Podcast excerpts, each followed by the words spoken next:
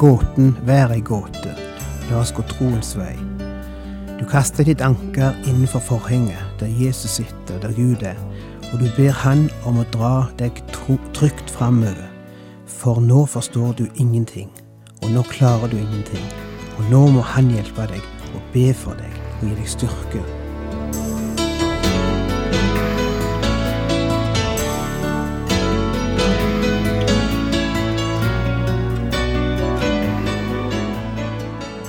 Hjertelig velkommen til et nytt program i serien Vindu mot livet. Vindu mot livet er basert på programserien Insight for Living ved Chuck Svindal. Programmet er produsert av Kristen Riksradio og blir ledet av Ola Bjoland.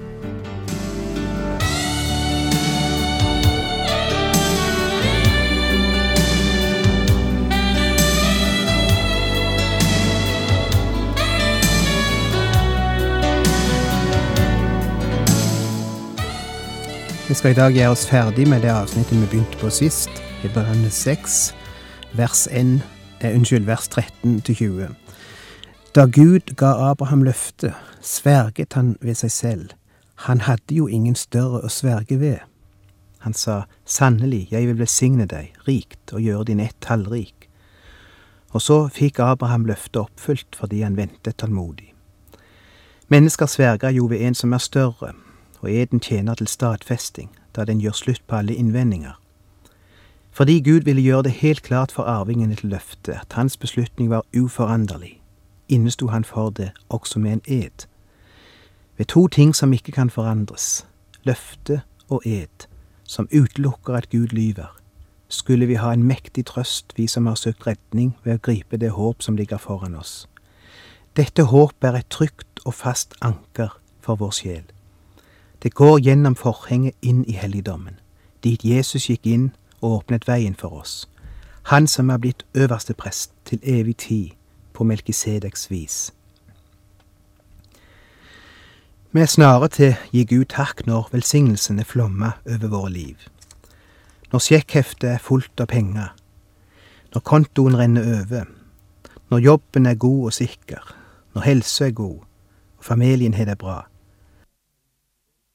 vi har større problemer med å tro på Guds løfte når alt går den gale veien. Vi er vanskelig for å synge med Lina Sandell. Hva han tar og hva han giver, samme Fader han forbliver. Somme tider tar han, somme tider gir han. Og dette avsnittet i Hebreabrevet sier at vi skal ha tillit til han både når han tar og når han gir. Løftene står fast, og de er til å stole på. Vi er vant til å tenke logisk. Alt skal inn i vår logiske formel. Og det er der vi ofte får problemet med trua. For trua tenker ikke logisk. Da ville det ikke vært tru. Tru og håp går ofte på tvers av logikken. I plassen for å tenke logisk må vi lære å tenke teologisk, altså Guds logikk. Og den er ofte annerledes enn vår logikk. Teologisk tenkning gir håp i plassen for skuffelse. Hvor ofte jeg ble skuffa frustrert fordi jeg setter min logikk over Guds logikk, fordi jeg mente at ting skulle skje min vei, i plassen for å vente på Guds vei. Abraham fikk oppleve dette, vi snakket en del om det sist. Abraham som fikk løfte fra Gud om at han skulle få en sønn, og som måtte vente i 10, 20, nesten 30 år og han var blitt 100 år og Sara 90. Vi har hørt det så mange ganger at liksom ikke, det liksom ikke gjør så mye inntrykk på oss lenger. Men prøv å forestille deg det. Her er de venta et helt liv på et barn. Og først når de er blitt pensjonister, kommer Gud på besøk og sier at de endelig skal få en baby. Og ikke nok med det, de må ennå gå og vente på denne babyen i 20-30 år. Og de nærmer seg de 100. Da er det ikke mye logikk lenger å, å henge seg på, vet du. Hvis Abraham skulle holdt fast på sin logikk i forhold til dette løftet, måtte han selvsagt gitt opp trua. Logikk og tru kunne rett og slett ikke forenes her. Er du 100 år, så får du ganske enkelt ikke noen baby. Særlig ikke hvis kona er 90. Det er umulig, og det visste de. Derfor lo de da Gud kom tilbake en dag og, si, og sa, Her er jeg igjen, det er Gud, nå skal dere få babyen jeg har lovt dere. Om ett år skal dere ha deres første sønn sammen, du og Sara. Og Abraham kasta seg på ryggen og lær, står der, og Sara lær. Men djupt der inne, når han får tenkt seg om, og bytta sine tanker med Guds tanker, så har Abraham fortsatt et håp. Har Gud sagt noe, så mener han det. Jeg vil stole på Gud. Jeg vil la det være opp til han hvordan han skal oppfylle sitt løfte, men på en eller annen måte vil Gud holde sitt ord. Og ordet her sier at den som lærer å stole på Gud på denne måten, og tro på tross av omstendighetene, og tro på tross av at logikken sier at det er umulig, han vil erfare en dimensjon i livet som folk flest ikke har så mye av i dag. Han vil oppleve trøst og håp og en trygghet som er annerledes enn den trygghet vi ofte bygger omkring oss sjøl. Vers 19. Dette håpet er et trygt og fast anker for vår sjel. Ordet anker ble ofte brukt i antikk litteratur, men i Det nye testamentet er det bare brukt én gang. Vi har imidlertid massevis av salmer og sanger som har tatt opp dette uttrykket, og som alle bygger på nettopp dette verset i Hebreabrevet. Troens anker, sjelens anker. Bildet henta ifra det antikke skip som seiler inn i et trangt og farlig farvann på vei til havn. Den vanskeligste og farligste manøver en kaptein sto overfor, var ofte når han skulle begynne innseilingen mot havnen, med masse farlige strømmer og farlige skjær. Enkelte plasser kunne han sjå skipsvrak stikke opp av sjøen, skip som ikke hadde klart å styre til side for grunnene og skjæra. For å unngå farene vart ofte ankeret kasta over til en mindre båt, en robåt som blei rodd framfor skipet, og som loste det store skipet forbi farene. Med robåten ville de ro heilt inn i havn, og der ville ankeret bli droppa.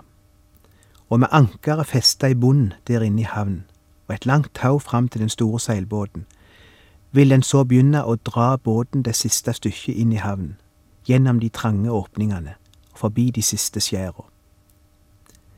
Et nydelig bilde på troens anker, eller sjelens anker for den del, som en skal få kasta inn i havnen som skal ha sitt trygge feste innanfor, og så å si skal han bli dratt forbi grunner og skjær, heilt til en er framme i en trygg havn. Det går gjennom forhenget inn i helligdommen, dit Jesus gikk inn og åpnet veien for oss, han som er blitt øverste prest til evig tid på Melkisedeks vis. Hva i all verden er det det snakkes om her? På den tida det her refereres til, hadde de det såkalte tabernaklet som plassen for gudstjeneste og tilbedelse. I dette tabernaklet var det et såkalt forheng, et slags gardin, eller hva det var, som skilte det ytterste rommet fra det innerste. Det innerste rommet, eller rommet bak forhenget, ble kalt helligdommen, eller Guds rom, som jeg velger å kalle det. I dette rom skinte Guds lys, blei det sagt. Der åpenbarte Gud seg. Inne i dette rommet var den såkalte arken, ei slags kiste med låg på. Det var kjeruber i gull i hver ende av kista, eller hver ende av låget. Noen englelignende skikkelser med folda venger. Denne kista, eller arken, inni dette hellige rom, med dette låget som var kalt nådestolen, var det mest hellige sted på jord. En gang i året gikk ypperstepresten inn i dette Guds rom, med ei skål med blod oppi. Og nøyaktig slik Gud hadde foreskrevet det i loven, spredde han blodet utover lokket på arken, utover nådestolen, imellom disse kirubene. Og på grunnlag av dette blodofferet tilga Gud folkets synd, slik han hadde lovt i sitt ord. Dette var en årlig begivenhet, og folk så seg halvpusten der ute mens øverste presten var inne i Guds rom og brakte offer for folkets synd. Og nå sier hebreabrevet at Jesus har overtatt denne funksjonen som øverste presten hadde. Det går gjennom forhenget inn i helligdommen, dit Jesus gikk inn og åpnet veien for oss, han som er blitt øverste prest etter, til evig tid på Melkisedeks vis. Og denne tanke om denne øverste prestelige tjeneste er det som utvikles i de følgende tre et halvt kapittel her i Hebreabrevet. Og Guds rom, det hellige rom, er ingenting mindre enn Guds himmel, der Jesus er gått inn og utfører sin prestegjerning for oss. Jesus er gått gjennom livet, har opplevd livet slik det kan være. Prøv i alt, sier forfatteren av hebreerbrevet.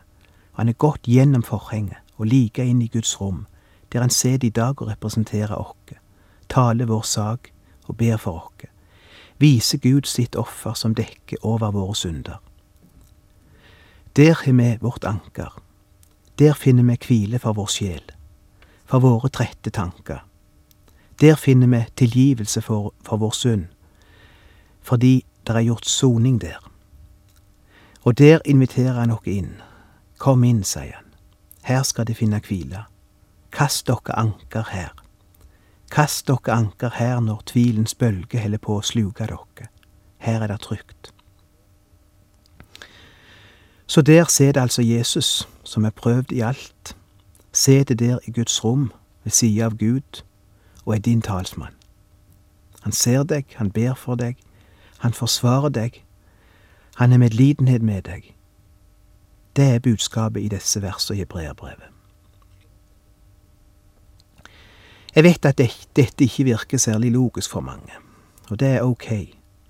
Jeg har gitt opp å prøve å forklare dette logisk. Jeg har gitt opp å prøve å forklare smerten logisk. Jeg har gitt opp å prøve å forklare Gud logisk. Det blir så mange brister i logikken når jeg skal prøve å framstille disse ting slik at det skal høres logisk ut. La oss la logikken få hvile ei stund. Kast anker sjå Han som er over vår begrensede forstand. Legg deg i Hans omsorg. La Han få lose deg gjennom farene. La Han få ta ansvar for det du ikke forstår. Ikke prøv å få alt til å bli forståelig. Du vil bare slite deg ut med det. Og ikke prøv å forklare alt for de menneskene du møter. Det vil bare bli slitende, både for deg sjøl og for deg. Og somme tider blir det direkte skadelig. Ei dame forteller hvordan hun opplevde det den gangen hun mista sønnen sin. Han døde under operasjon på sykehuset. En alvorlig hjerteoperasjon. Og etter at tragedien var inntruffen, kom presten på besøk, og han sa, jeg vet dette er ei vond tid for deg, men jeg vet du vil komme gjennom det, for Gud gir oss aldri mer enn vi kan bære. Gud lot dette hende med deg fordi han vet du er sterk nok til å bære det. Et forsøk på å forklare Gud. Hvorfor skal vi alltid forklare Han? Hvorfor skal vi alltid finne forklaringer på det Gud gjør, eller det som hender? Hvorfor kan vi ikke la det være ei gåte? Og dama forteller hvordan hun stivna til da hun hørte presten sa dette.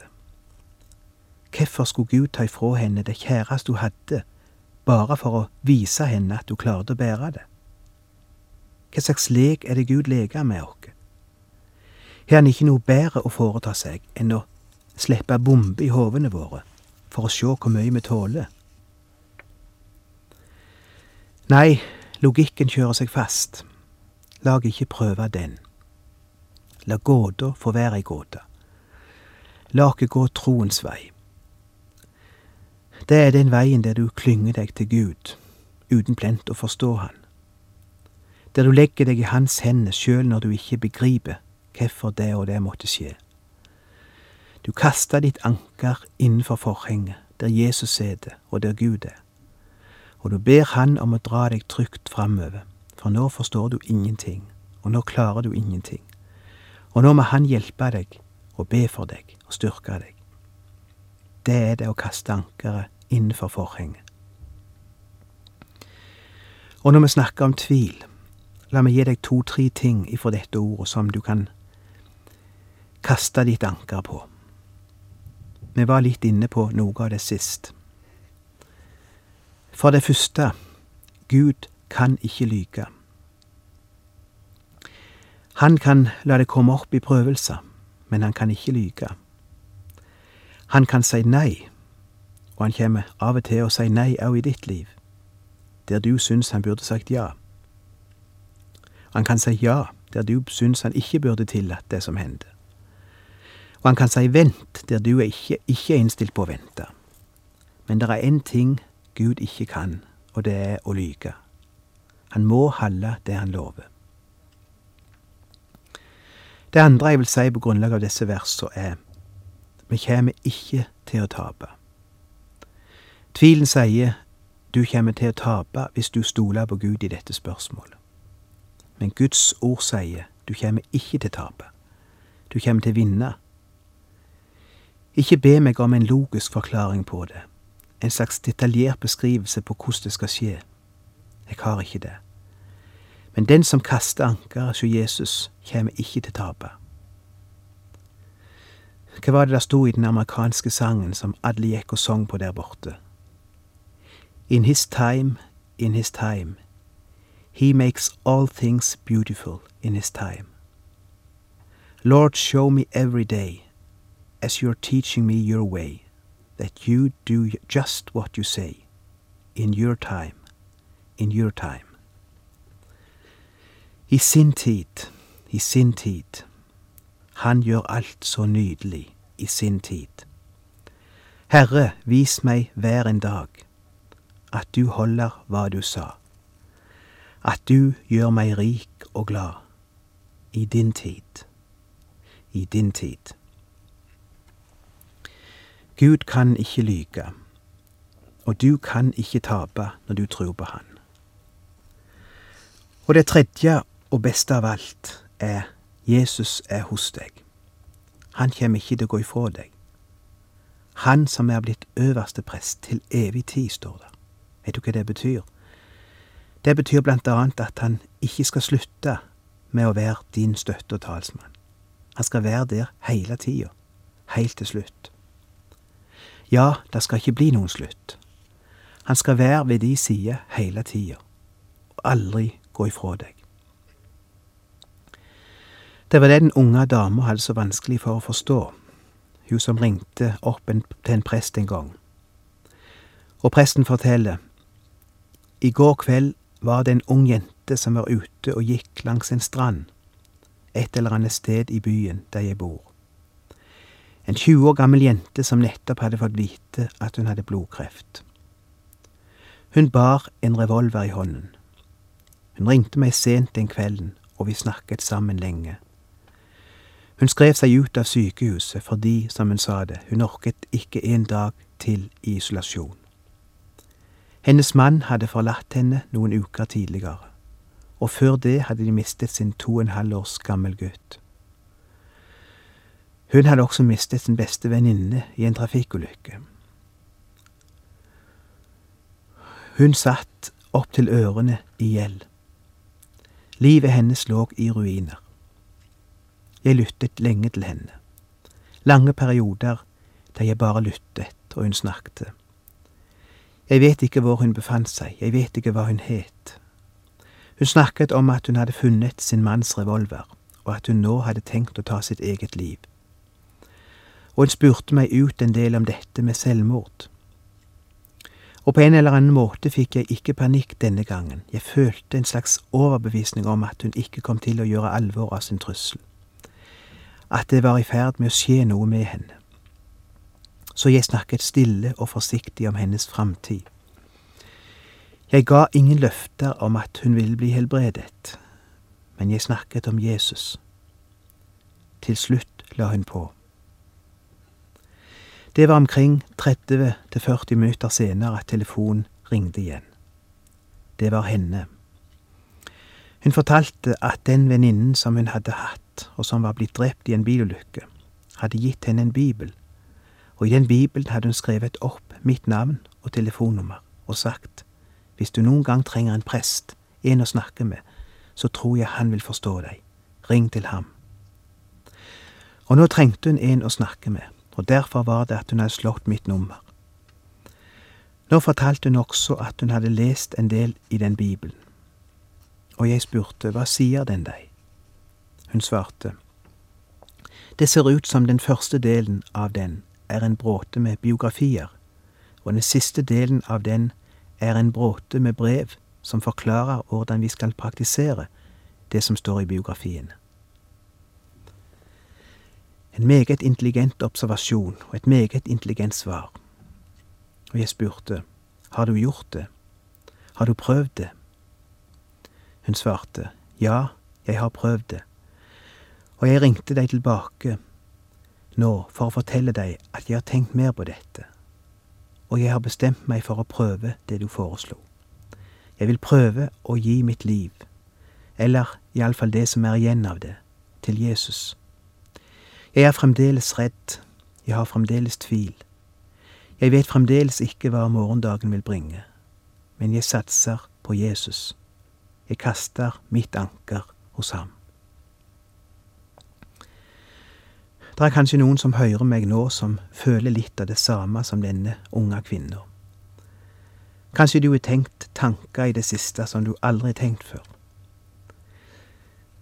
Jeg ønsker ikke å gi deg klisjeer, men jeg skulle bare ønske at du kunne kaste ankeret der inne, der det er fred og trygghet, der det er løfter som ikke kan svikte, der Jesus sitter, og Gud.